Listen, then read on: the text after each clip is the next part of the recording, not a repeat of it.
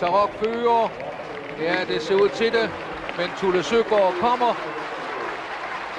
Tarok, Tulle Søgaard. Tarok, Tulle Søgaard. Tarok holder. Fint traverne nærmer det sig målet. Og værsgo, Tarok foran Tulle Søgaard. Og så kom Talisman Sus på en fjerdeplads. Derby-sejren til Tarok. Velkommen til en ny omgang Travsnak i samarbejde med Travservice. Vi har en snak om den nye udvikling i Elliot-sagen. Junge har et nyt indlæg om Lundes fremtid, og Klavin fortæller historien om Jens Jensen, der var travsportens angfang terrible i sin tid. Vi slutter af med et interview med Jørgen Larsen, som beretter om dengang Tarok var i USA, en tur med mange blandede følelser for Jørgen og familien Larsen.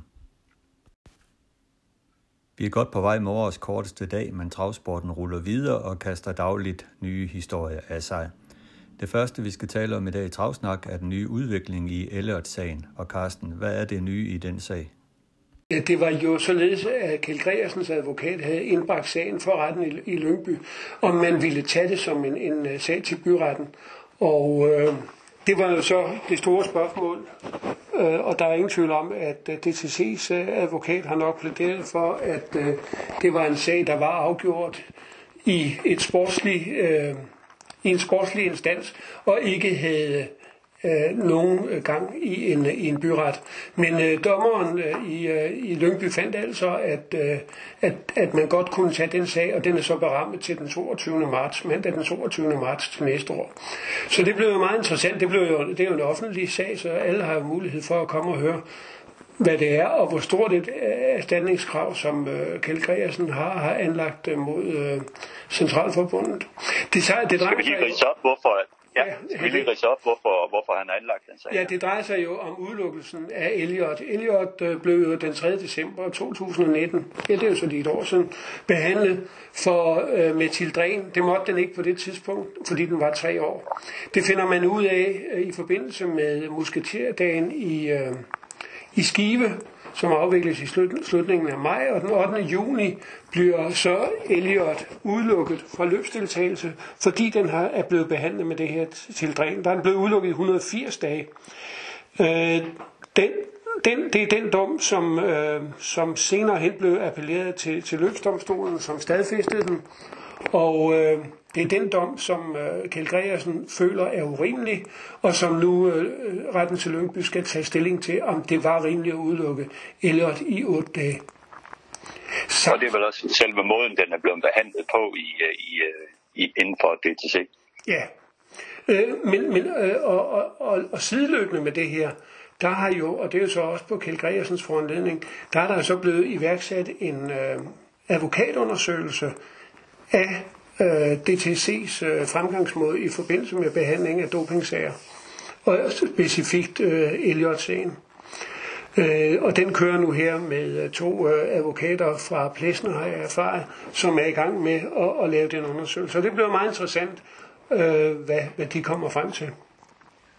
Hvad kan det ende op med øh, i af forhold til, til hvis nu Kjeld Gregersen vinder den her sag? Hvad kunne det så ende op med, tror du?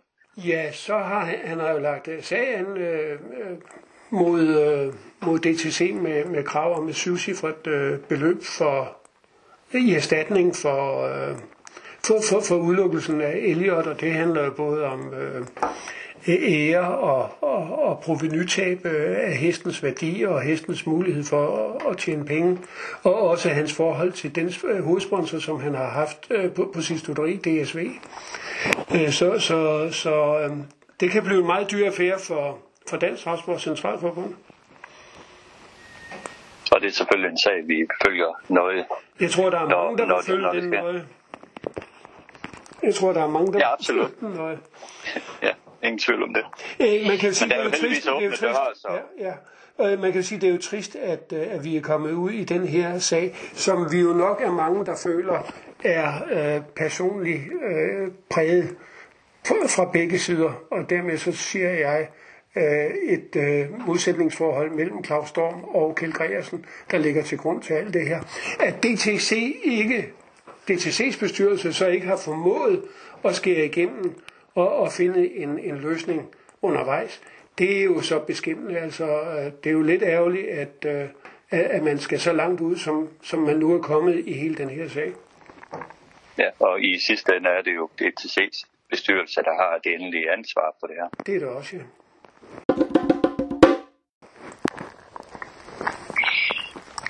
I mandags blev der afholdt et nyt teamsmøde, det tredje af slagsen, Øh, Carsten, og det var du vidne til. Hvad gik du ud på? Jeg var ikke alene vidne, jeg deltog. Øh, det er jo således, jeg er medlem af Danske Travselskab, som, som holdt det her møde, og der var flere med, end der ellers har været til de to foregående møder.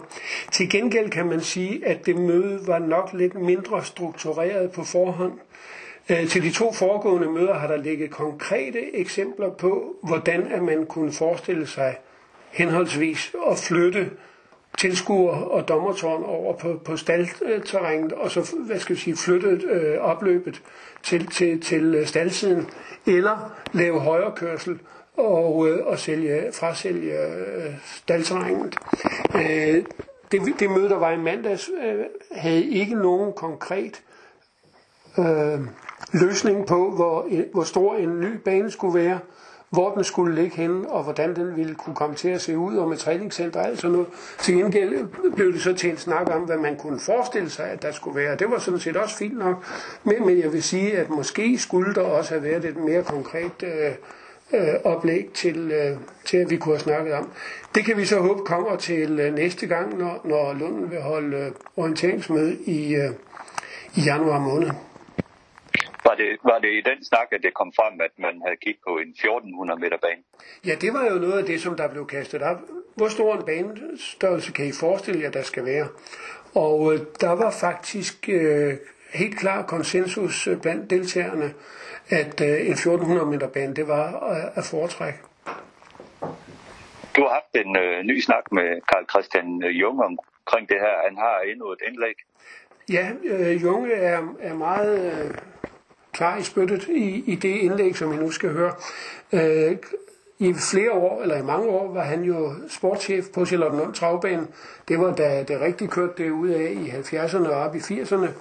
Øh, og Junge har en meget stor veneration for dansk travsport, men han har også en stor interesse i, hvordan vi kommer videre, og det kan I høre her.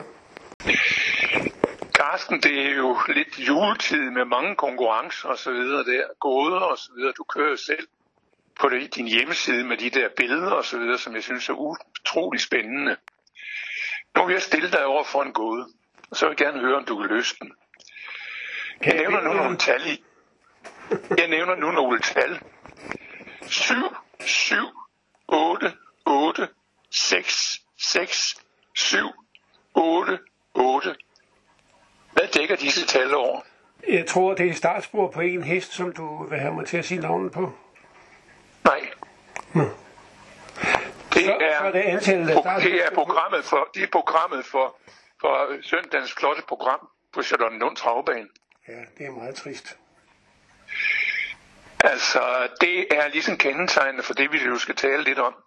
Netop, hvordan, hvordan ser fremtiden ud for dansk travsport. Og baseret på sådan noget som det her, så ser den ikke god ud. Nej.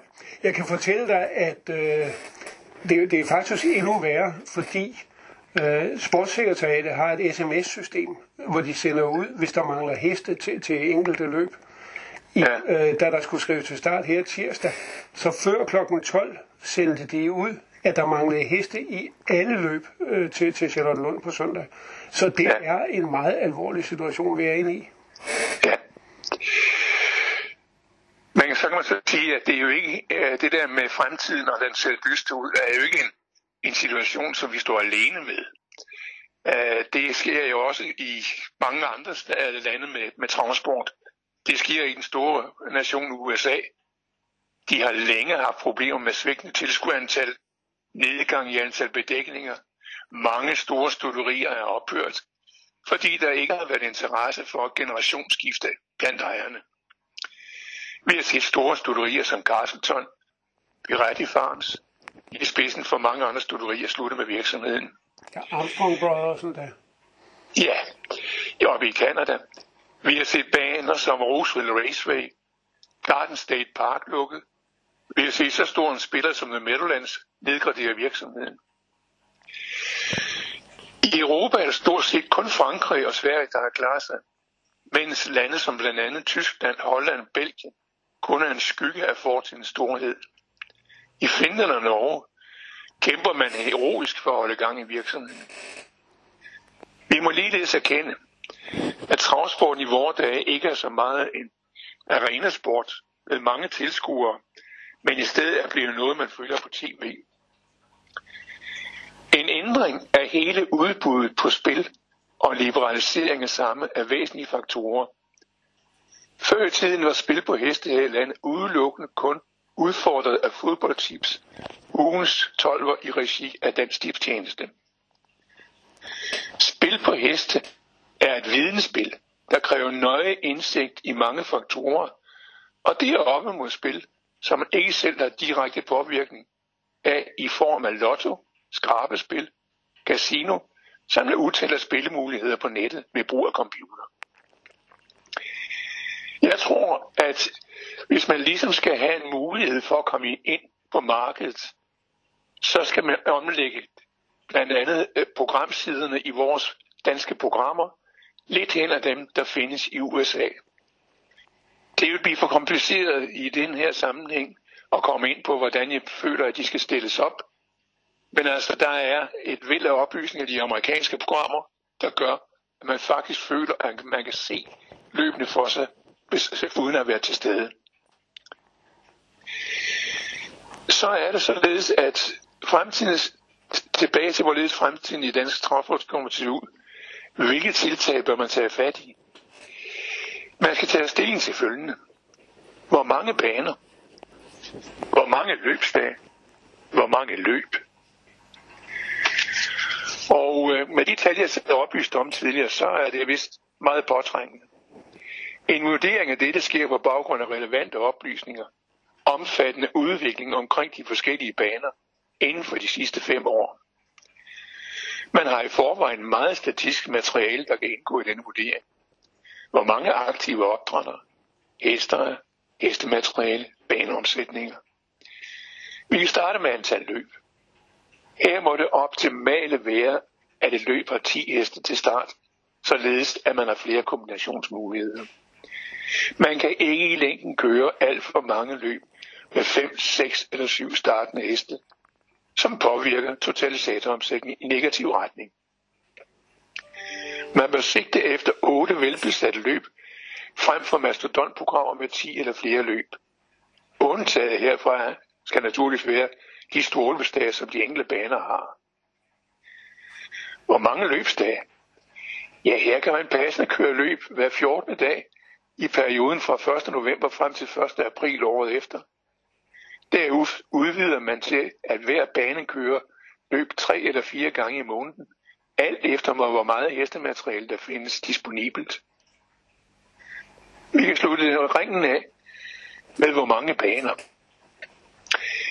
Med den nedgang i opdræt, man desværre har måttet konstatere, og som er nogenlunde stabiliseret omkring overganger på omkring 600.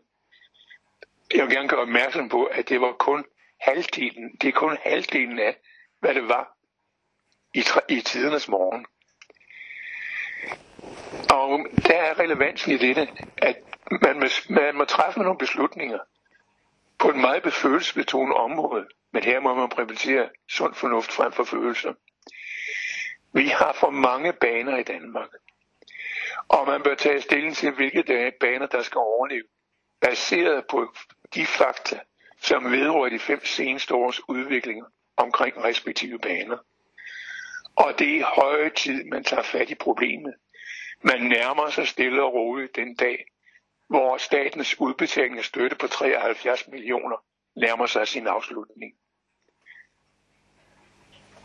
Vi skal som bekendt sige farvel til Billund. Men man må håbe, at man takker ja til Legos tilbud om en bane for ungdommen med ponyløb.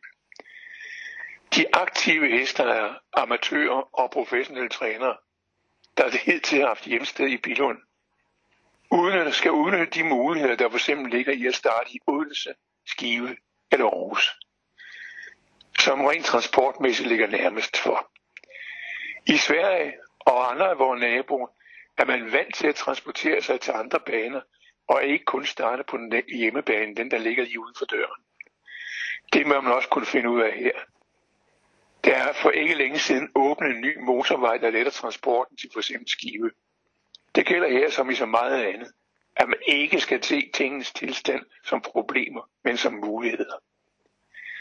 Og så har vi tilbage til eksempelvis den bane, der var i vores sidste samtale, nemlig Lunden. Og øh, der må jeg sige, at jeg er lidt chokeret over, at Lundens bestyrelse ikke har foretaget sig noget form for initiativ på deres alternativ 3. Det vidner til en vis grad om, desværre, at de ikke anser denne mulighed selv, for at denne, at den er, er, er inden for rækkevidde, det vil sige, at Lunden skal sælges og flyttes. Sørgeligt, men jeg håber, man jeg ikke bliver for ret i mine antagelser. Så er det således, at vi snakkede før om, at når det går godt i Sverige, og det er sådan lidt en, en, en, en, en sandhed med modifikationer. For jeg har lige set nogle tal offentliggjort i Sverige. Det er således, at 33 procent af de heste, der er i professionel træning, de er helt eller delvis ejet af de pågældende trænere. Det er ligeledes et kendt faktum, at for at få økonomi efter hester i professionel træning gennem et år, så skal den tjene mellem 250.000 og 300.000 svenske kroner. Er det præmieniveauet, der er blevet forkert i Sverige? Nej, det er omkostningsniveauet, der er løbet løbsk. Jeg kan give et eksempel på, hvordan man kan komme galt sted med omkostninger. Det er således, hvis man eksempelvis har en hest i træning på Halmstadbanen, og så vil starte den på jeres ro, så har man, inden hesten går ud og præsenterer til det, det pågældende løb, så har hestejeren haft udgifter på ca. 2.000 svenske kroner til transport, til leje af boks, til diæter, til staldmand og træner osv.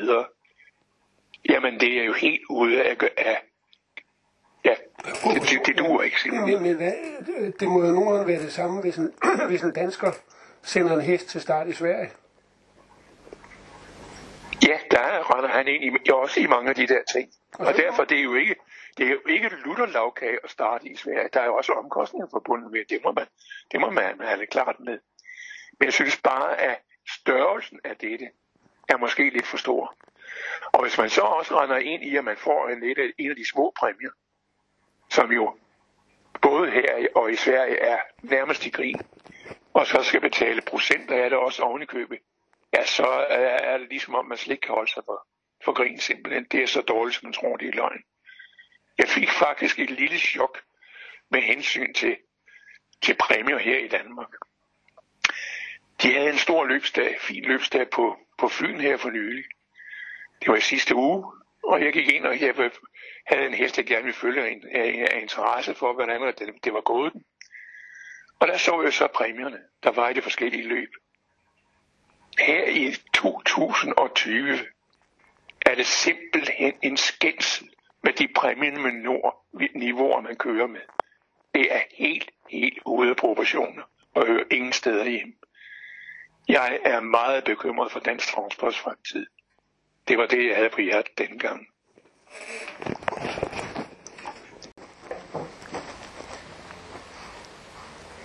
Ja, Junge fortæller endnu en gang øh, indlevende om, om, omkring sine tanker, og øh, hvad, hvad tænker du, når på den måde han udlægger teksten, øh, uh, Carsten?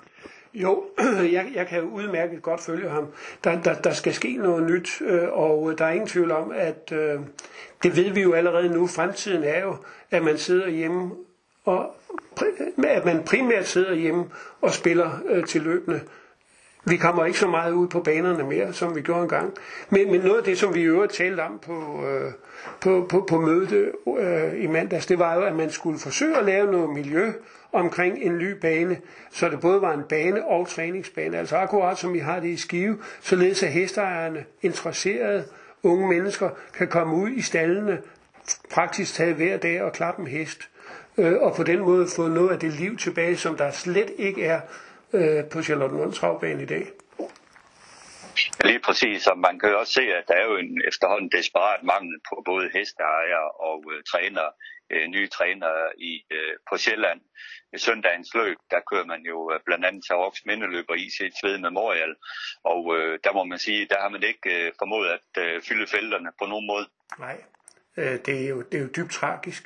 Øh, en time efter anmeldelsesfristen udløb, der sendte øh, løbsekretariatet en øh, sms rundt til alle trænere og, og bad om flere heste, fordi der manglede heste i alle løb.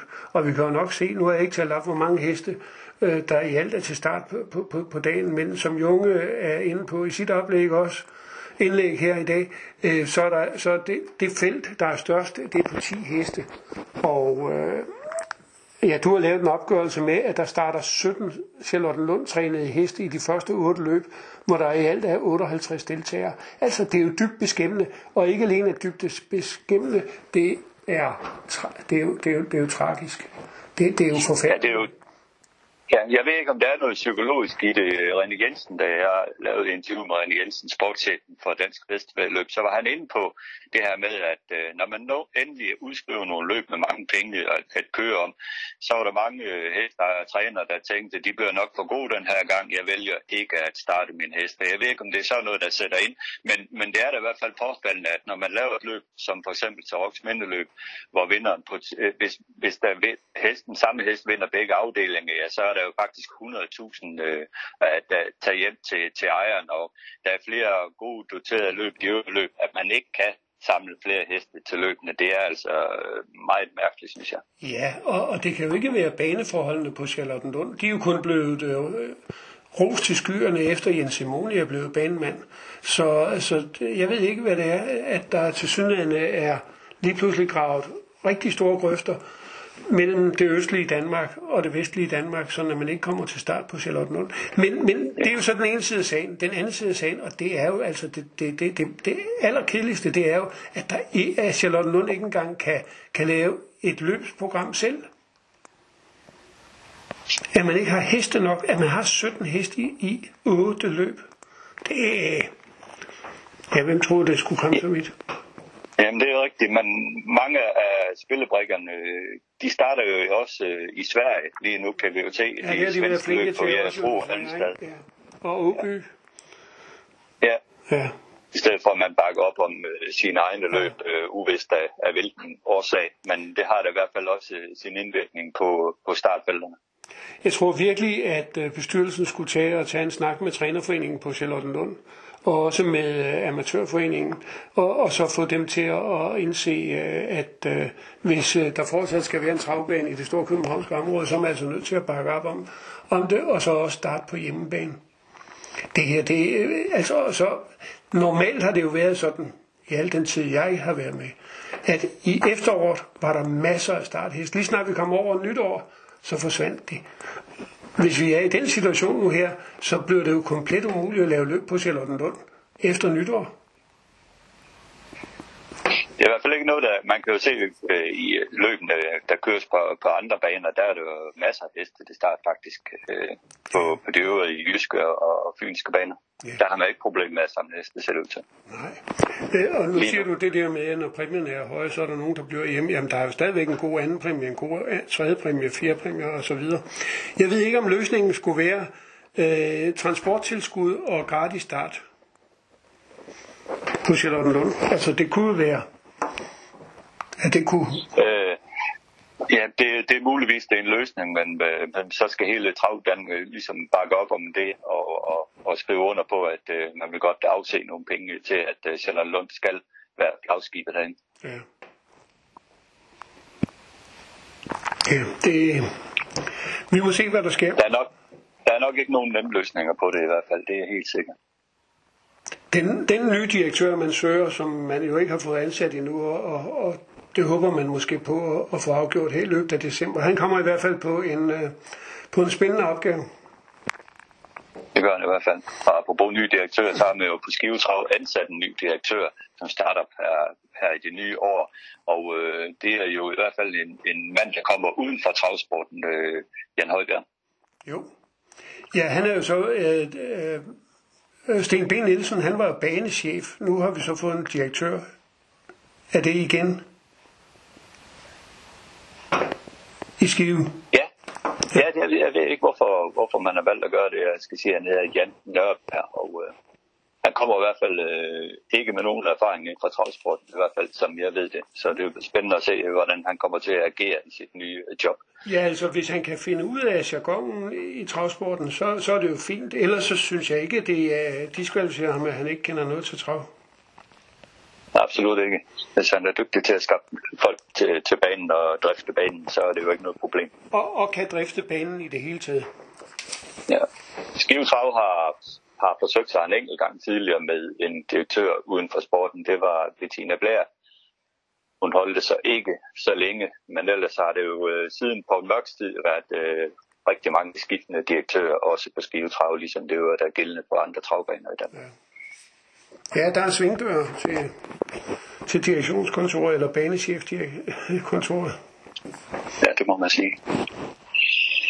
Det er kun i, Billund, til kun i Billund, at Christian han har lykkes at få sat en dørstopper på.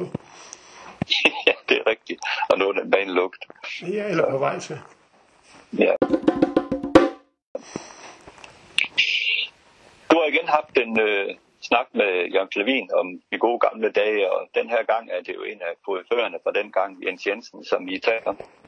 Ja, Jens var jo en utrolig fornøjelig fyr, øh, men det var der nok ikke lige alle, der syntes altid. Og det har jeg så taget en snak med Jørgen Klavin om. Ja. Ja, Jørgen, i dag skal vi tale om en af de øh, mest kontroversielle, men også mest populære personer, der var i gamle dage i dansk travsport, nemlig Jens Jensen, og måske også Jens Jensen og hans brødre, fordi de var jo faktisk øh, tre brødre, som jeg lige husker det, der, der satte deres præg på travsporten i, øh, fra 50'erne og frem efter. Ja, det må man sige. Altså, jeg husker jo faktisk historien meget klart, fordi øh, min far havde jo som sagt øh, arbejdet for Amager Travbane, og jeg glemmer aldrig rigtigt øh, den der historie, der, da han blev bedt om, at Steff Holberg skulle han skrive på tagene øh, som reklame, og så samtidig så skulle der komme fire nye, eller fem nye af de her sådan, skal- udrangerede DSB-vogne hvor privattrænerne kunne, kunne spænde for. Og det var jo blandt andet til ære for Jens Jensen, som jo i stor stil var begyndt at få succes med sit privattræneri på blandt andet de to hovedstadsbaner i København jo. Og øh, der kan jeg jo huske, at man jo i starten øh, mere eller mindre grinte lidt af, nej, det er sådan en bondemand, der kommer der. Det udgjorde jo ikke nogen større, hvad skal man sige, indhug i de professionelles, øh, øh, hvad hedder det, forretningsgange. Men øh, man kunne jo så se gradvis efterhånden, som det tog til i omfang, så blev, øh, dengang var der jo ikke nogen restriktioner for de der såkaldte privattrænere, men det havde de professionelle til gengæld med, hvor mange de måtte have med trænerskift og hvad ved, eller hesteudskiftningsregler og ting og sager, aftaler med staldfolkforeninger. Men øh, Jens, og så øh, den der måde, privattræneriet startede op på, øh, der var jo ingen restriktioner. De kunne jo have lige så mange heste, de havde lyst til, og så ligge og træne løs øh, ude fra landet, øh, uden at der egentlig var nogen, der brokkede sig. det var vel lidt begrænset, øh, hvor, hvor meget de trænede. Øh. Ja, altså det kan man sige. Nogle af dem, øh, jeg har jo så også besøgt øh, øh, ret tidligt, både Ejler Petersen og Ejner og, og Jens, altså nede i, i Læstrup og Vindbyholdt. Ejner, eller Ejler for eksempel, han både ridetrænede jo på et tidligt tidspunkt og kørte også i skoven. Jens, det var nok begrænset med, hvor meget han gjorde ved det. Og det var det... var noget med, jeg mener, jeg kan huske fra travhjul med, at der var en historie om selvbinderhestene fra Lestrup. Ja, det er rigtigt. Og, og, og det var jo så Je- Jens og hans øh, to brødre, Ernst og Ejner, ikke? Jo, jo. Nej, Jakob. Jakob, nå. Ja, det var Jakob. Ja. Jakob og Ejner, de var jo tvillingebrødre jo. Og så Ernst, han kom op fra Tølløse. Ja, det må det. Ernst synes jeg ikke rigtig er rent særligt tydeligt. Okay. Der var, efter hvad jeg kan huske, så var der de fire. Øh, eller der var Jakob, og der var Ejner, og så var der Jens. Det var trav. Ja. Det var trav. Og øh, det er rigtigt. Frederik Jensen, som der var deres far, som havde den gård, som Jens jo så senere arvede, det, der havde de jo hestene både til en mælkerute, og de havde jo også hestene til for eksempel at køre de her landbroløb. Det var sådan, det hele startede. Der kørte man jo de der dyrskueløb og sådan noget. Det var der interessen kom. Og så lige pludselig, så fandt de jo så ud af, at der skulle lidt mere øh, knald på liggehønen, når man så må sige. Og så begyndte de jo at få licens og køre amatørløb jo. Men øh, Jens han øh, havde jo så et, et, et, et, øh, et flere for det her med at, øh, at få de her heste til at løbe. Men han var jo ikke altid lige fin i kanten. Nej, altså der var jo øh, mange huller i, i, i hovedpuden, var jeg lige ved at sige. Altså i de gamle regelsæt, der måtte en amatør jo kun køre egne og, og, og altså egen eget heste i løbende jo. Men, men så var det jo, man fandt ud af, at så kunne man jo omgås de regler med at stå for dem, og, og man sagde jo, at jamen, der var et stort antal af de heste, han lå og kørte, det meget han ikke. Så han gik jo nærmest hen og blev sådan en form for en slags maskeret træner, ikke? Ja, det var ikke populært. Det var ikke særlig populært, nej.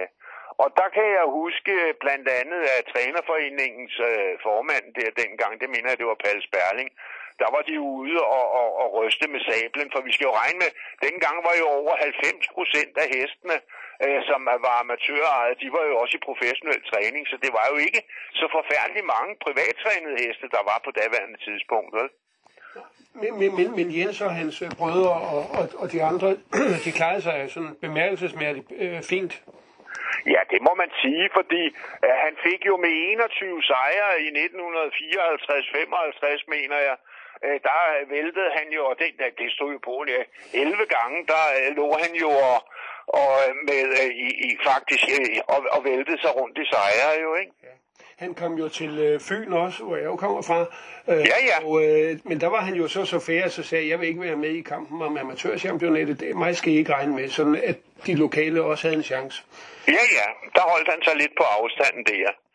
Og han var også, kan man sige, lidt præget af omgivelserne, fordi det der med at starte løs øh, blev jo også begrænset for ham. Så spændte han for, kan jeg huske, over hos Sten Andersen jo, ikke? Jo. Og øh, ja, det kommer jo... på Fyn, der fik øh, man jo indført den ordning, at alle heste skulle i forspilling hos en privat, øh, hos en professionel træner, for at de kunne starte på Fyns Vældespænd. Ja, og det var jo egentlig en god måde på. Og det var jo så også den regel, som man så prøvede at lave lidt til øh, i København, jo, hvor det var Paul Sperling, tror jeg nok, der var arkitekt for den. Øh, der var det det med, at de måtte have højst så seks privattrænede heste, ikke? Ja. Og de, de skulle være anmeldt for årets begyndelse og sådan noget. Og så resten, de skulle i professionel, eller jo, de skulle så i professionel forspænding. Og det kostede, kan jeg huske, de første priser, det var jo 75 kroner øh, for en forspænding. Og den svarede nogenlunde på daværende tidspunkt, hvis til tre dages træning, så vidt jeg kan huske. Men øh, jeg kan huske nogle af de øh, første gode heste, som, øh, som øh, han havde. Det var jo øh, Boogie Woogie og Alan the Great, men der er også en T-hest, som jeg bare ikke lige kan komme på. Øh, ja. Altså, Boogie Woogie har du ret. Det var den, han satte hopperekord med jo. Det var den, Jens Ibsen havde. Ja. Den, den, den var så også i hovedet, men den rendte jo sort jo. Øh, solen sort, det var en fantastisk hest, ikke? Men T'en, hvad søren har det været for en? Der er jeg da lidt skakmat. Det kommer vi nok øh, tilbage til på et Ja, ja, Så var der Alan fald- Great, den kan jeg huske. Den var, den var, Allan Segret, ja. det var en sort en. meget, meget god hest, ikke? Ja. Og han havde jo selvfølgelig, som du siger, campaign, og han havde Så fik han jo Payne, som jo blev den helt store hest for ham. Ja, og Ørlsøvang var jo også en mægtig Ja. hest, ikke? Jo, men Kim Og- var vel øh, den bedste, han nogensinde havde. Ja, efter Joes Pride og Rokomadur, ja, det var en mægtig hest. Ja. Og den var jo, øh, men den har der jo været mange forskellige udlægninger omkring. Jeg, jeg husker den jo ikke som en, der var skør i hovedet, jo. Øh, det, det, det, det synes jeg ikke, vel? Der er nogen, der har lagt den ud som om, at den var sådan lidt vælsindet oven i hovedet. Det synes jeg ikke, den Ja, var. det, det, det, det største problem, den havde, det var jo travlt. Det var travet, ja. Det var, hvad skal vi sige, lidt slasket i det, som jo mange af de der Ja, ja. Godt kunne være. Ja, men det lærte den jo at styre undervejs, jo. Og det var jo en fantastisk hest, ikke? Og så kan man sige, at alle de der, øh, hvad hedder det, campaign med 85 sejre, vandt han med den, ikke? Jo. Det, det var jo imponerende, jo, ikke? Det var jo så også derfor, at øh, det var noget opsigt, da han så solgte den, øh, efter den var faldet for aldersgrænsen til, Ja. til England. Ja, det kom bag på mange. Jeg kan huske det lige så tydeligt, da den fik gulerødder derude på, på hvad hedder det, Charlottenlund Travbane, Lena trak den over og alt det der. Og det var sidste gang, den vist frem for publikum. Og så gik der ikke ret lang tid, så kom de jo så øh, åbenbart englænderne og havde jo fået købt den jo. Men handlen blev jo så ved hjælp af bryggeren, tror jeg nok, øh, at de frikøbte den jo, og den kom jo så op og gå. Saltumbryggeren. Hvil- Hvilket siger du? Saltumbryggeren, ja. Ja, sal- ja, ja. Ja, det var Jørgen Larsen der, ikke, som der satte ind. Det var jo... hans far, øh, Henrik. Ja, ja. Ja. Men det var jo fantastisk flot, at kunne gå til sådan en hest, der havde betydet så meget for, for dansk travsport i hvert fald, ikke? Ja, fordi det var jo det med Jens, øh, han manglede jo altid penge. Ja, han havde et forbrug. Han var jo en livsnyder som personlighed. Jeg har oplevet ham på Kejlebanen, og jeg har også oplevet ham hjemme i haven hos min mor. Han kørte jo tit forbi den der store sorte amerikanerbil, ikke? og så kom de ind, Lena og ham, og, øh, og hvem der nu ellers var på bagsædet. Der var jo mange. Der var jo også muren, som der kom med herned øh, og blev formand, Paul Erik Andersen, for, for trav, ja, travbanen i, i, på Falster. Der var han ikke anden stor ung mand jo. Og de der æbleskiver, der blev serveret, og hans solbærrom, det satte han jo meget pris på. Og så kunne han, lige- jeg kan huske, at jeg gik på kejlebane med ham en gang, som stor dreng også. Der var det lun steg, ikke? Og så igen æbleskiver, det var en helt vild med solbærrom. Han var jo på mange områder en sjov fyr, og det viste sig jo også senere hen, da han, øh, hvad hedder det, øh, kom til Bjæverskov, og Lena, hun overtog øh, som træner øh, stallen. De unge mennesker dernede, de kunne jo rigtig godt lide ham jo. Jo, det var hyggeligt. Men, men øh, vi, vi skal jo også lige omkring det, at, øh, men, at han var jo enfant terrible i dansk travsport i nogle år. og man opfandt jo, øh, hvad hedder det, licenser øh, for at kunne øh, få ham til at passe ind i systemet. Ja, og det tror jeg aldrig rigtig lykkes rigtigt. For jeg kan jo huske dengang, øh, hvor øh, blandt andet, jeg hørte jo de der samtaler mange gange også som stor dreng, når Mark Ingdam kom over på sekretariatet hos Jacobsen. Og der snakkede de tit om Jens Jensen, ikke? Også den her vandspand, når de stod derovre, de, de var sgu ikke glade for at lægge vand til, når de skulle vaske deres heste over i de der vogne, vel?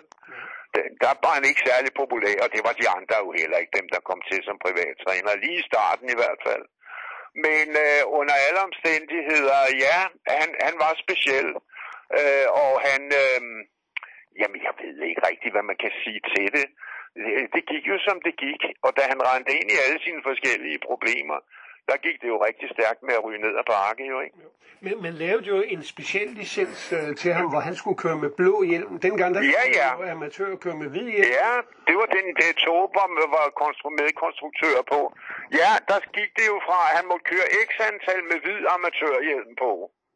Og de næste, nej, undskyld, han måtte køre øh, hvad, x antal med specialhjelm på. Der var en special, havde han, kørte han på speciallicens. Ja.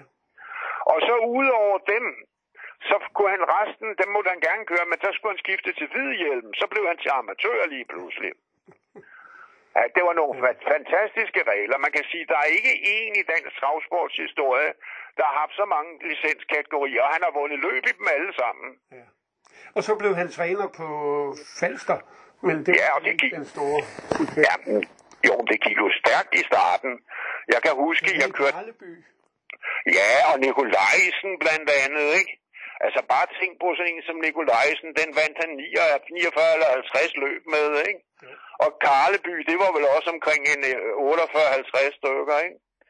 Og han vandt provinsmesterskabet i 67 og 68 øh, med, med Kempæen, og i 71, der vandt han også øh, provinsmesterskabet, mener jeg, med Karleby. Det, det gik jo stærkt, jo. Ja. Og han havde så mange heste, kan jeg huske, på et tidspunkt, jeg var dernede, vi kørte forbi, øh, der, øh, det var der, hvor trænerforeningen for øvrigt i København var ude efter ham, fordi han måtte kun starte heste øh, på Amager, som, øh, hvad hedder det, eller i København. Det var de københavnske trænere, der reagerede. Han måtte ikke spænde heste for i København. Han måtte kun starte dem, som stod nede på banen i Nykøbing. Der var ingen restriktioner. Men hvis han tog hestene hjemme fra gården af, der hvor de var ude på landet og startede direkte i København, så skulle han betale en afgift til trænerforeningen i København. Okay. Ja, dengang var trænerforeningen rigtig stærk, må man sige. Ja, og, og det man kan sige, de faldt over hinandens fødder, kan man sige, ikke? Fordi øh, de regler, de lavede, de lavede jo så blokader på andre områder, så det blev aldrig nogen succes noget af det, vel?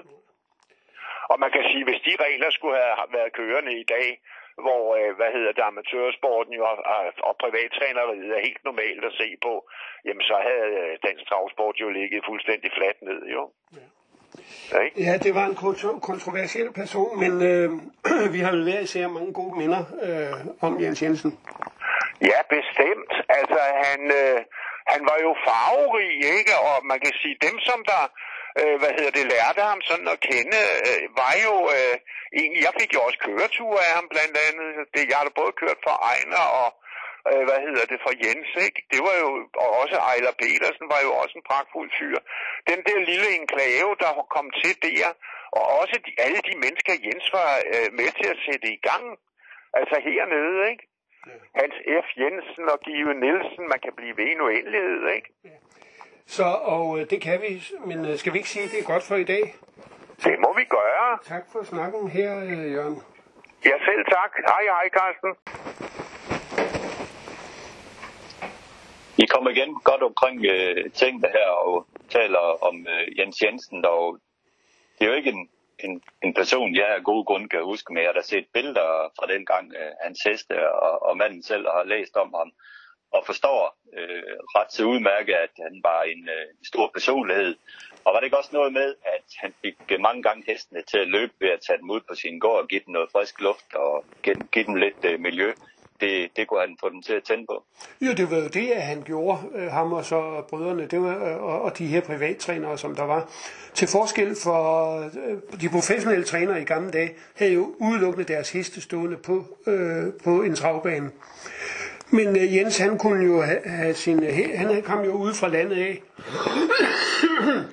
hvor de øh, kom i folden hver dag, og de brugte dem også til markarbejde.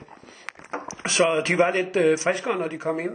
Øh, så nogle af de der banesure heste, som han fik fat i på den ene eller anden måde, øh, de begyndte jo lige pludselig at spænde. Men Jens, han var altså også, han kunne et eller andet. Jeg kan huske, på Fyn, øh, der, der var også en, der, øh, en, der hed, øh, en hest, der hed Caballero, der ejes af Stan Esva. Og øh, når ejeren kørte den, så, så blev den faktisk aldrig noget. Så en gang imellem, så, så, så satte han Jens op, og så vandt den med 100 meter. Altså, det var, det var helt... Øh, det var helt forrygende, og sådan så vi jo mange gange med heste, som øh, Jens han kom øh, med. Øh, så, så, så spændte de bare. Men han var jo, han var jo en hård person øh, over for sig selv, og, og, øh, og, og, og, og tyde nok til mange nemme løsninger her i tilværelsen. Men, for Men det med heste, det kunne han. det kunne han. Ja. Og jeg kan da huske, at øh, de der heste, når han først, først fik gang i en hest, så blev det sejrstabler. Det var kendetegnet for hans heste. De vandt masser af løb, når de først kom i gang. Ja, det gjorde de. Der var mange. Men, men så i takt med, altså man kan så sige, på, på hans ældre dage, så gik det jo ikke så hurtigt. Øh, og Lena Hansen, hans øh, datter, overtog jo, øh, han, han blev jo professionel træner. Han, han havde jo, som vi også taler om, han havde jo alle mulige licenser, som der fandtes i dansk transport og mere til. Jeg tror dog ikke, han har haft en TU-licens. Men øh, han- han fik øh, trænerlicens på et tidspunkt, og så blev den inddraget, og så overtog Lena, hans datter, den. Øh, og så, ja, hun vandt så mange løb med en hest, der hed Alice han over nede på Skorbo, kan jeg huske. Men ellers så var det jo, så var det jo, så var det jo slut, fordi de andre inden for travsporten havde jo også fundet ud af det her med at hestene skulle ud på landet og stå og have frisk luft, ikke? Så så blev det sådan mere lige termer. Ja, Alice Hanover, den kan jeg da huske, der var efter Hemt Hanover, som jo stod opstillet i mange år her på Skiveegnen med Ove Christensen Ja, i Stald Lånum. Ja. Frem til nutiden.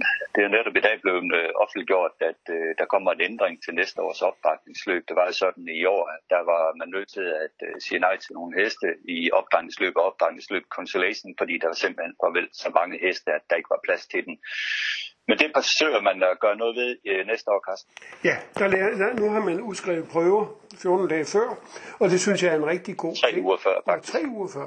Øh, Det, det synes jeg er en rigtig god ting, fordi øh, det var så lidt, der, øh, der var fuldt hus i, øh, i hovedløbet, der var fuldt hus i Consolation, så lavede man et, øh, et ekstra løb for, for de, som havde indbetalt til, til dansk opdrætningsløb. Øh, nu laver man prøver, og så får man så, får alle heste chancen. Så det synes jeg er fint. Så må jeg bare håbe, at der er lige stor startvillighed i H-årgangen, som der skal løbe til næste år, som der har været i G-årgangen i år. Ja, Og det er jo også præmiechancen til os for første gang her til næste år i Ja. opretningsløb. Så må ikke, der kommer mange heste med, det håber jeg. Lad os håbe det. Ja. Avlsløb blev kørt uh, sidste søndag på Fyn, og uh, den ventede vinder fik vi jo blandt hængstene i Fossa, der, der vandt ganske let. Men jeg vil synes jo, at uh, havde Felix været 100% kørbar på dagen for René- René Jonasen, så tror jeg nu, den havde vundet. Men uh, ingen skygge over Fossa, den vandt jo sikkert igen, Carsten. Ja, den men den var ikke lige så fin, som, øh, som den var tidligere. Det, det, må, det må vi erkende. Men, men, men den vandt, og det var fint nok. Ja. Og blandt hopperne, så kom der et nyt billede frem på, på skærmen. Ja, det var da lige godt overraskende. Ja, Fighter KK kunne vinde der for, for René Kjær. Den, den har jo udviklet sig øh, utrolig flot i, i her inden for den sidste måneds tid. Og øh, jamen, øh, er jo lige pludselig en hest, som øh, etablerer sig i blandt årgangens bedste. Jeg var lidt skuffet over... familien. Ja, ja. Ja, ja, ja, det er jo en god familie også, jo, men jo United KK. Ja. Men det jeg tænker på, det er, at Kirkegaard-familien, de har jo tit og ofte fået god hjælp af Gordon Dahl, så jeg tror også, han har haft en lille finger med i spil omkring den her Fighter KK. Men ellers øh, var det jo øh, øh Frontrunner Shadow, den, den, den kunne ikke være med den her gang. Nej, altså i prøven, der tog den jo spids, og det havde jeg faktisk troet, at den ville kunne gøre igen i dag, eller i søndags, men, øh, men det skete ikke, og så løb den sig træt i dødens. Så, men den har jo også været i gang lang tid, så det kan jo godt være, at, at, øh, at den måske lige knap var som bedst. Ja, det er sent på sæson, for de her tre år, de har været øh, i gang meget længe, så de trænger nok til en god lang pause, og så kommer de friske tilbage igen til næste år. Så har vi netop øh, set i løbet af på Vincennes, hvor Empire, Deal og øh, Always As var til start, men det var jo med blandet resultat, kan man roligt sige. Ja, Always As, øh, hun gik jo forrygende igen og blev nummer to i 11-4, efter faktisk at have siddet i øh, udvendigt et stykke tid. Øh, Empire var helt under isen, og, og øh, helt, øh, øh, ja, han kom i, øh, han, øh, vi Nivar tog den meget langsomt fra start af og bakkede faktisk ned øh, blandt de sidste, og så forsøgte han avancement op af bakken. Men øh, der var ikke noget bid i Empire i dag, og øh, på, på opløbsjøren, der tog han i højre linje og, og kørte den simpelthen ud af, af feltet. Og, og, og var sidst. Erik Liel øh, sad øh, 6., 7. og 8. udvendigt undervejs øh, og kom ja. Hjem i 12 og en brøk, øh, men var vel heller ikke lige så god som, som i sidste uge. Nej, det var lidt svært at bedømme, fordi den sad i ryg på en hest, som gik i stå foran den, så det ser ikke ud som om, at André Lamy egentlig kom til at rigtig at kunne køre med den, men øh, det var i hvert fald øh, for de tre hestes vedkommende øh, knap så godt, som sidst vi så den på Nej, Vincennes, jeg vil sige, oh, oh, oh. Ja. Wise Ass blev nummer to stadigvæk. Ja, okay, okay. Ja, ja. Så, så det, og, og hun er dansk ejet, og hun kommer Ja. i dansk avl. øh, Panamera Racing jo overtager hende som, som følgehop.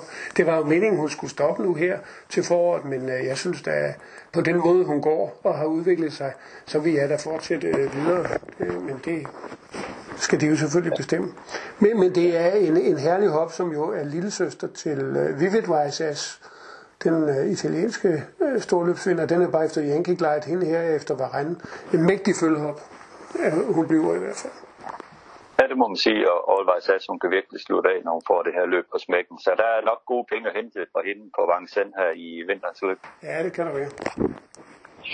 Ellers er det næste, der er store, der skal ske på Vincennes, det er på søndag, Grand, finalen i Grand National. Det er trods en løbserie, som øh, kører her hen over sommeren og efteråret. Og øh, sidste år var det jo clean game, og chancen selv, der vandt finalen, men øh, det sker ikke i år, det er den øh, ude med en skade. Men Det er jo, øh, det er jo meget ofte en, en valgagt, der vinder de her løb. Det, det, er jo, det er jo løb udelukkende for franske heste. Og øh, man kan sige, det er for travsportens øh, Tour de France. Men, men, men der er ikke nogen billetter til, øh, til, til Prix d'Amérique. De eneste billetter, der er til Prix d'Amérique, det er de fire B-løb, og så er der i øh, Criterium Continental for fireåringer, og i Prix De Bunden for, for femåringer. Det er de eneste fribilletter, der er.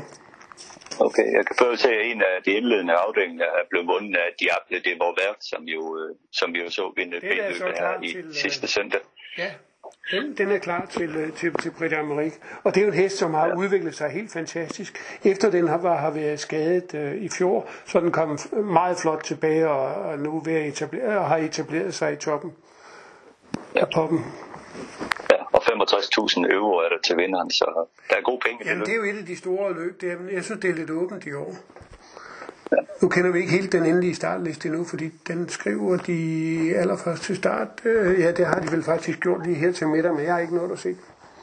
Nej, og så næste søndag igen, der er det så Grand Prix de Bourbonnais med, øh, med Fest Bourbon til start. Så de kruller på her weekend efter weekend med, med de store løb nu. Der sker noget, ja. Skal vi lige endelig lige afslutte dagens udsendelse med Solvalder Grand Prix, som jo var blevet henlagt til fredag aften på Solvalder med Ecurie øh, tilbage igen i faktisk øh, meget fin forfatning, synes jeg, selvom den tabte. Ja, den, øh, den, den faldt jo med, med flaget i, i top. Efter et løb øh, udvendigt, så blev den jo så øh, besejret af en rygkørt øh, Ethos Kronos. Ethos Kronos med Magnus ja. Djuse. Ja, og ret så interessant, så var Power tredje og mål, og den havde du en historie med, at det kunne være, at Robert Berg, han søger en opgave her i, i på, måske på Charlotte Lund. Ja, ja, inden den skal ned til, til Frankrig og start. Der, der, ja. der kan være mulighed for, at den kommer til start på Lunden den 18. I sidste uges travsnak fortalte Jørgen Klavin og Carsten Bønstorp om deres episke tur til USA for at se Tarok starte i VM-løbet. Jørgen Larsen fortæller i det følgende interview om en tur til USA på både godt og ondt med Tarok, og jeg spurgte ham først om, hvordan det kom sig, at Tarok skulle starte i VM-løbet. Jamen, det var jo en af de der overraskelser, som livet det giver. Og øh, den er for øvrigt skildret ret så tæt på i selve Tarok-filmen. Øh, fordi i Stalkema, der har vi haft sådan nogle, altså skulle vi til Aarhus, det var jo langt væk en gang, og så skulle vi til København, det var jo fantastisk. Og så var Solvalder jo i Sverige det uopnåelige. Og det lykkedes jo for os sådan med udviklingen. Og så var der pludselig en dag, min far han ringer og siger til mig, der, at, hvad siger du til, at vi skal til øh, USA med Tarok? Ja, ja, min far var sådan en, en lun fætter i mange retninger. Og uh, jeg siger, ja, ja, det er rigtigt og det blev da fint. Hvornår skal vi det? Ja, til næste år. Nå, nå. Jamen, tror du det ikke, sagde han, så, så kan du da komme herud. Og så tog jeg på Hans høj og så gik jeg sådan ved hans skrivebord, hvor han sad ved stolen der og kiggede, og jeg flyttede sådan lidt på nogle ting. Jeg kunne knæme ikke se nogen, nogen, nogen brev fra USA. Og så lige pludselig så siger han, at det her, du leder efter. Så løftede han sit skriveunderlag, så han jo gemt brevet derinde under. Og øh, det var egentlig sådan en forhåndsinvitation til, at man ville øh, gerne se ham til juni måned i øh, 77. Og det øh, var jo stort. Og så gik det jo noget i vasken derhen af, og det blev så flyttet til juli, og, og det var lige ved at blive flyttet til august og i den stil der. Men uh, det, vi kom der over. Men sådan kom det ind i og så havde vi jo nogle møder med dem, og, og blandt andet øh, i Stockholm ved elitløb, hvor det for et nummer hvad for en gang kiksede med Tarok. Øhm, og så, så ville ham Les Wagner hed han, sportschefen derovre, han ville jo have en anden kusk på Tarok. Det var ikke fordi, han ikke ville have Tarok derovre, men han havde en anden kusk på. Og, øh, og min far er jo ikke sådan verdensmester i alverdens sprog, men, men han forstod mere, end han kunne give udtryk for. Og øh, Junge sad ved bordet også. Øh, han var sådan en, en mellemmand med Charlotte Lund og, og, og så videre. Og øh, så siger ham, der Les Wagner jo det her med en anden kusk, så vender min far sig rundt på hælen, så siger han, du kan sige til ham, hvis ikke du kører den, så kommer hesten ikke derover. Det forstod Les Wagner faktisk, uden han havde hvad dansk det var. Han forstod godt det kropssprog der. Ja. Og, og min far var egentlig på vej hen mod døren. Og så måtte Les Wagner jo lige trække lidt i land igen, og, og, og det her med en amatør, og det var jo et stort løb og så videre. Det her, det er min hest og I bestemmer, om I vil have ham. Jeg bestemmer, hvem der kører ham. og så var det ikke mere at snakke om det. Og så lavede de en uh, aftale om, at vi skulle komme derover, og, og han sørgede for, at der blev, blev sendt lidt penge til at kunne betale en flyvebillet derover fra hesten. Så sådan kom det egentlig i stand. Ja, fascinerende historie. Og øh, jeg kan også forstå, at da I kommer derover med Tarok, øh, øh, så bliver det jo også en stor historie i New York og omkring løbet, at en øh, lille amatør fra Danmark kommer over med, med en hest, øh, Dannebro på fire ben, som, som skal starte i det her VM-løb. Det, det gjorde det jo trods alt en stor historie ud af. Helt afgjort. Der var jo ikke den lokale radio i New York med respekt for sig selv, der ikke havde et interview med os. Og jeg lærte der stave til rock. Øh, Øh, det, det kunne vi sagtens, men også mit eget navn på, på engelsk eller amerikansk. Så jo, øh, men, men, men forberedelserne for at skulle komme så langt øh, var jo vidtgående. For blandt andet Amerika har jo aldrig haft monokov, klovsyge og svinepest og gå ved, hvad det nu hedder, alt det hele. Øh, og øh, alt, alt, det vidste vi, men alt blev brændt ude i øh, Kennedy Lufthavnen. Alt foder, alt overskydende fra det savsmål, han havde stået i, i, i flyveren. Så vi skulle have nyt foder, øh, og vi kunne bare bede om, hvad foder vi vil. Men øh, øh, det havde jo selvfølgelig sine udfordringer, at, øh, men, men det var vi klar over. Det vi ikke var klar over, da vi kommer derover, det er forholdene for hesten. Øh, vi blev jo isoleret fuldstændig. Der var jo et 4 meter højt hegn øh, omkring hele stallen, vi stod i. Der var lidt bredere plads på forsiden øh, af, af, til at gå med hestene der. Den franske, den italienske og vi andre. Og øh, det var en kæmpe udfordring for Torok. Der var en græsplæne, som var maksimalt 3 gange 3 øh, og den var helt gul, for det var jo sommer i New York. Så den smed jeg, jeg ved ikke, hvor mange hundrede liter vand ud på, for at få den til at spire lidt, og det lykkedes så også. Men uh, det, at vi ikke kunne komme i folk, det var en kæmpe udfordring, og det, øh, det sled på. Men uh, det kommer vi helt sikkert tilbage til i det interview, du laver her. Ja. Så, så ja, og vi havde tv-selskaber rendende i rummet hele tiden. Men så fik vi også besøg af nogle af de ældre trænere på øh, Roosevelt, øh, som kunne huske Peter. Og det var jo en oplevelse. Blandt andet en smed, en gammel smed, som øh, så fik lov at lægge to bagsko på tårn, øh, kunne fortælle nogle gode minder om, om Patriot hans udtrykte billede, som de kaldte ham, lige bortset fra lidt mere hvidt, eller rettere hvidt på. Ja. Og det var, det var, det var, det var en oplevelse. Ja, det kan jeg da godt forstå, fordi Paydirt var jo trods alt en verdensrekordholder som toåring i Amerika. Eller, han var en, en rigtig fin uh, hest som toårs i USA, så var klart et uh, stort navn.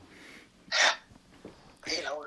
Hvordan, det var jo Jan Tunov, der, der arrangerede den her tur med, øh, til USA med rigtig mange mennesker. Og øh, Jørgen, du har en lille historie om det. Hvor, hvor mange var der egentlig med? Det har der jo været lidt forskellige opfattelser.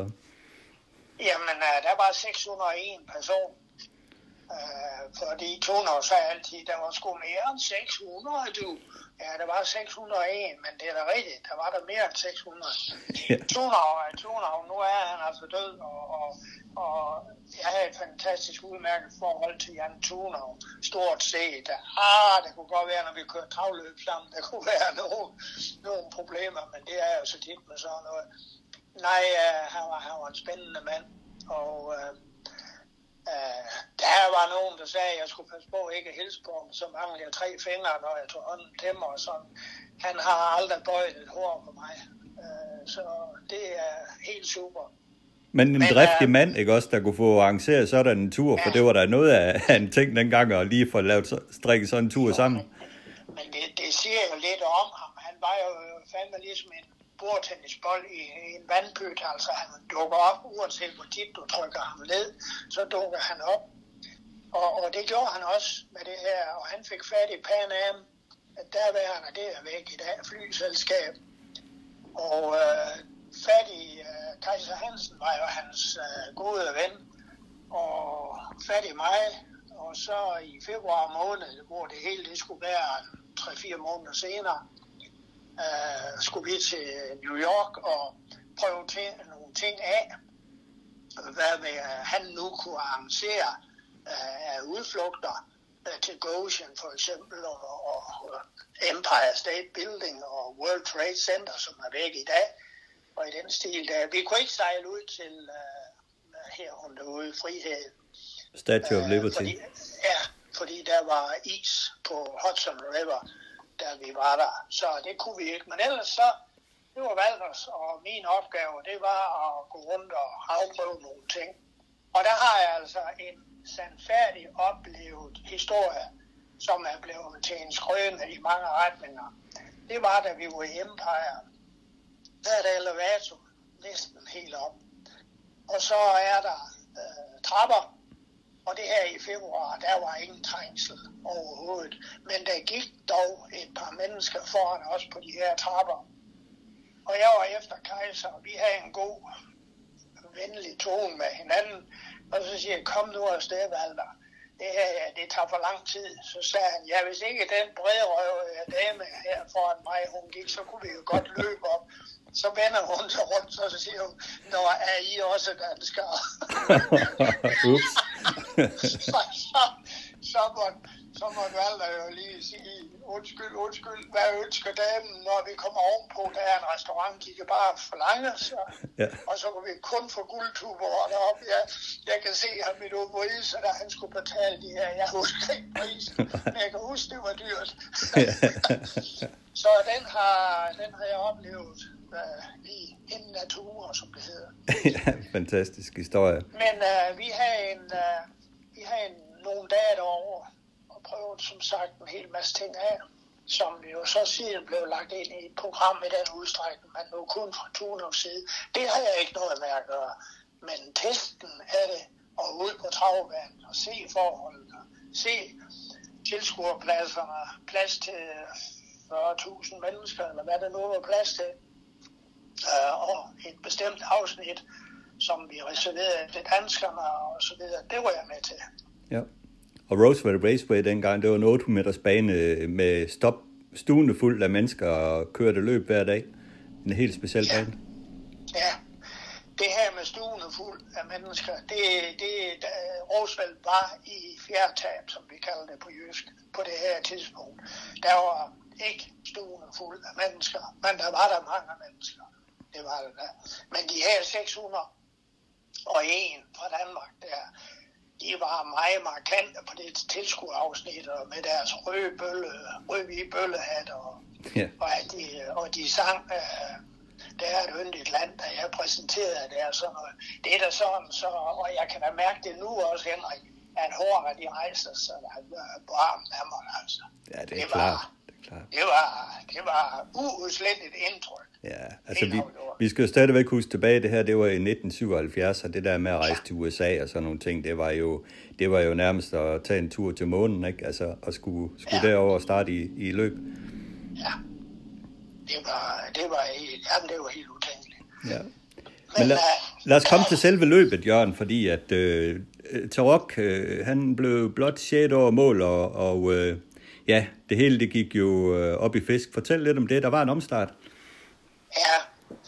Um, det, at han havde de uh, ikke eksisterende Halshøjfort, uh, hvad skal vi sige, uh, muligheder uh, med at komme ud i folden og, og, og løbe gassen af sig og alt det her. Han skulle bare stå der, og der var sat god mellem med varmt og fugtigt. Det, kan- de satte ny godt hver dag.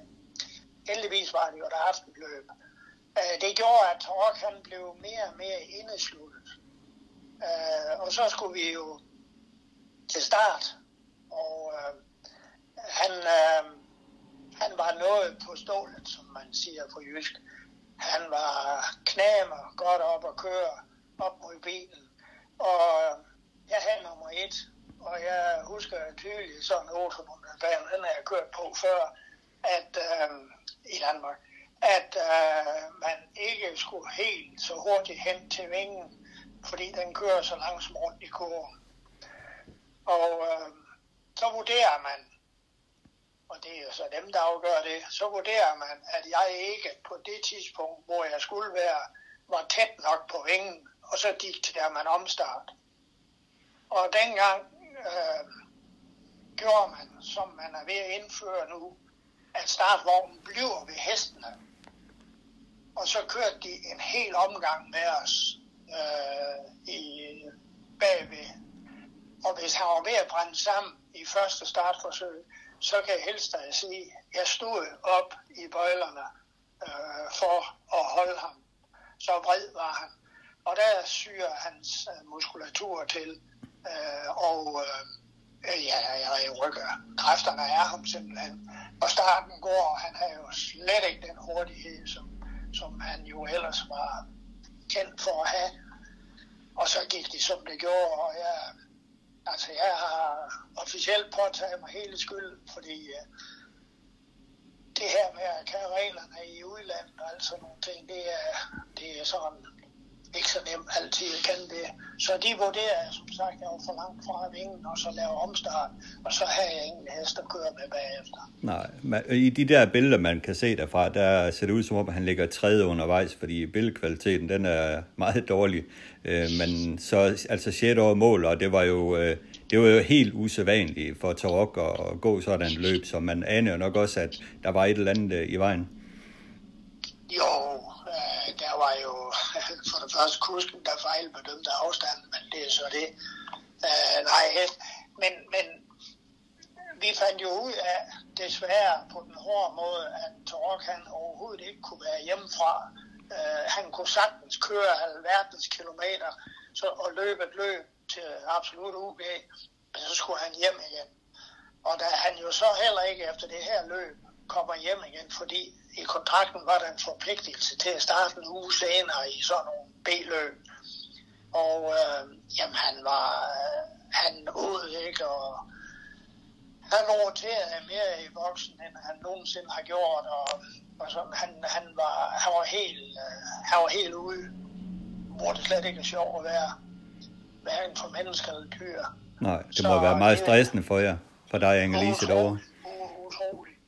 Ja, det, i første omgang var det jo dyrlæge Skovgaard og jeg, der var der, og så kom Lise øh, og, Lilian og Mogens øh, og var der, og så tog øh, Lilian og Inge-Lise øh, hjem, og Skovgaard og min far tog for hjem efter det første løb. Og, og det var alt sammen aftalt, det var ikke noget i det. Øh, og så var det Mogens og jeg, som sagt, øh, der var til sidst. Og så den behandling, man, man giver øh, heste i USA, dengang i hvert fald, det gør, at jeg siger, at jeg skal aldrig nogensinde, og nu er det heller ikke aktuelt, men jeg skal aldrig nogensinde til USA med en hest mere. Og jeg så jo sådan mellem linjerne også med Slide So Easy, at de vidste andet år, de kom derover, at der var visse ting, de skulle lave anderledes. Og det gik jo også meget bedre. Det var også, da vi skulle hjem der blev vi hentet klokken 5 om eftermiddagen ud til Kennedy Lufthavn og sat ind i en anden hangar. De rejste som 3-3 boks til ham. Og hvad med os? Ja, I kan jo bare lægge jer. Altså, det er hesten, vi skal transportere. Vi blev sat ind i en flyver kl. 8 næste morgen. Altså, det, det, det, det, det byder man sgu ikke folk, og heller ikke dyr. Slet ikke dyr, for dyrene, vi andre, vi kunne jo vi kunne reagere, det kunne hesten ikke. Jo, ja.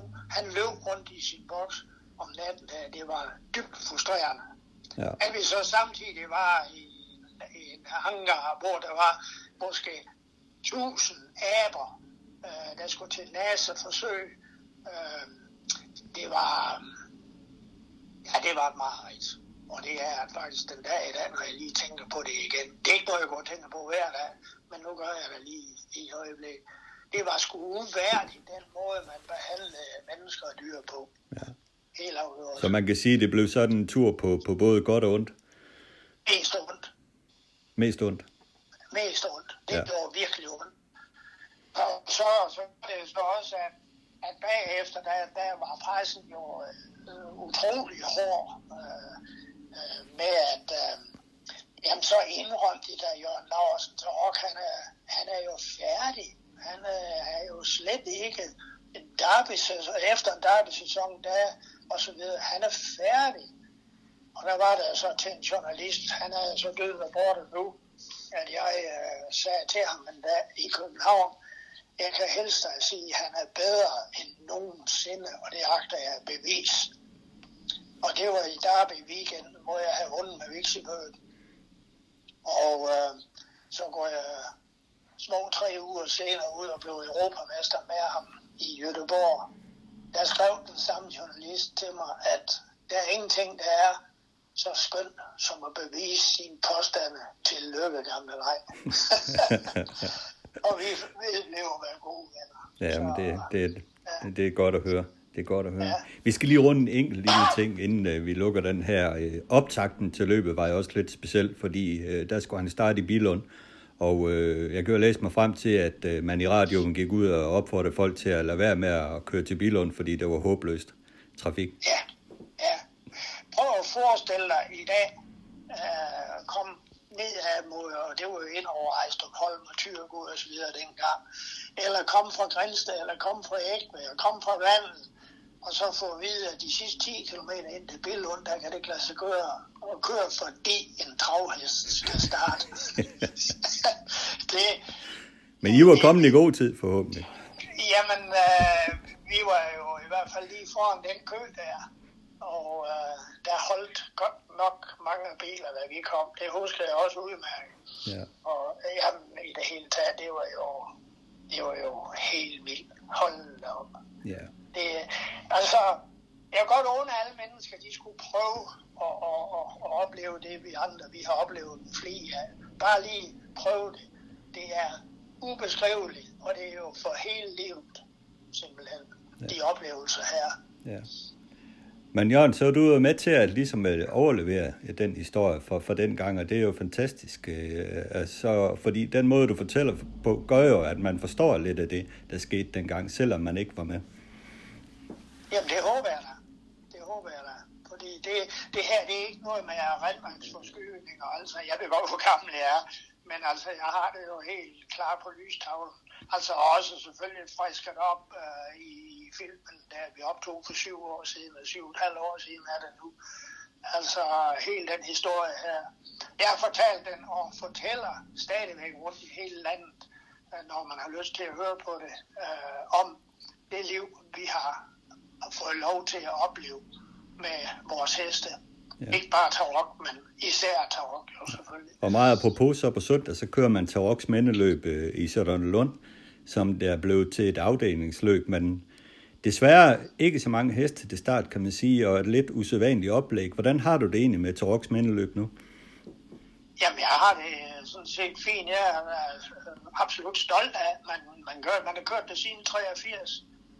Og øh, vi har fået en invitation i dag, her i dag, torsdag, øh, om Inge-Lise og jeg, vi vil komme over og overrække præmien efter sidste løb. Øh, det har vi så lige knap nok aftalt endnu om, vi gør, fordi det er jo coronaperiode i København jo i allerhøjeste grad. Men der er jo så få mennesker, så det, det går nok. Men det er ikke aftalt nu. Men det er vi stolte af. Og uh, Bilund kører Stalkimas vandrepokal, og, og i Skive kører man Torx et eller andet. Uh, jeg kan ikke engang huske, hvad det her. Det her er også Stalkimas vandrepokal. Ja og sådan i den stil. Jo, han er jo, Tork er jo en institution, der aldrig nogensinde, jeg tror faktisk, det er sjældent, jeg bruger ordet aldrig, for det skal man aldrig, men jeg tror faktisk aldrig, at Tork helt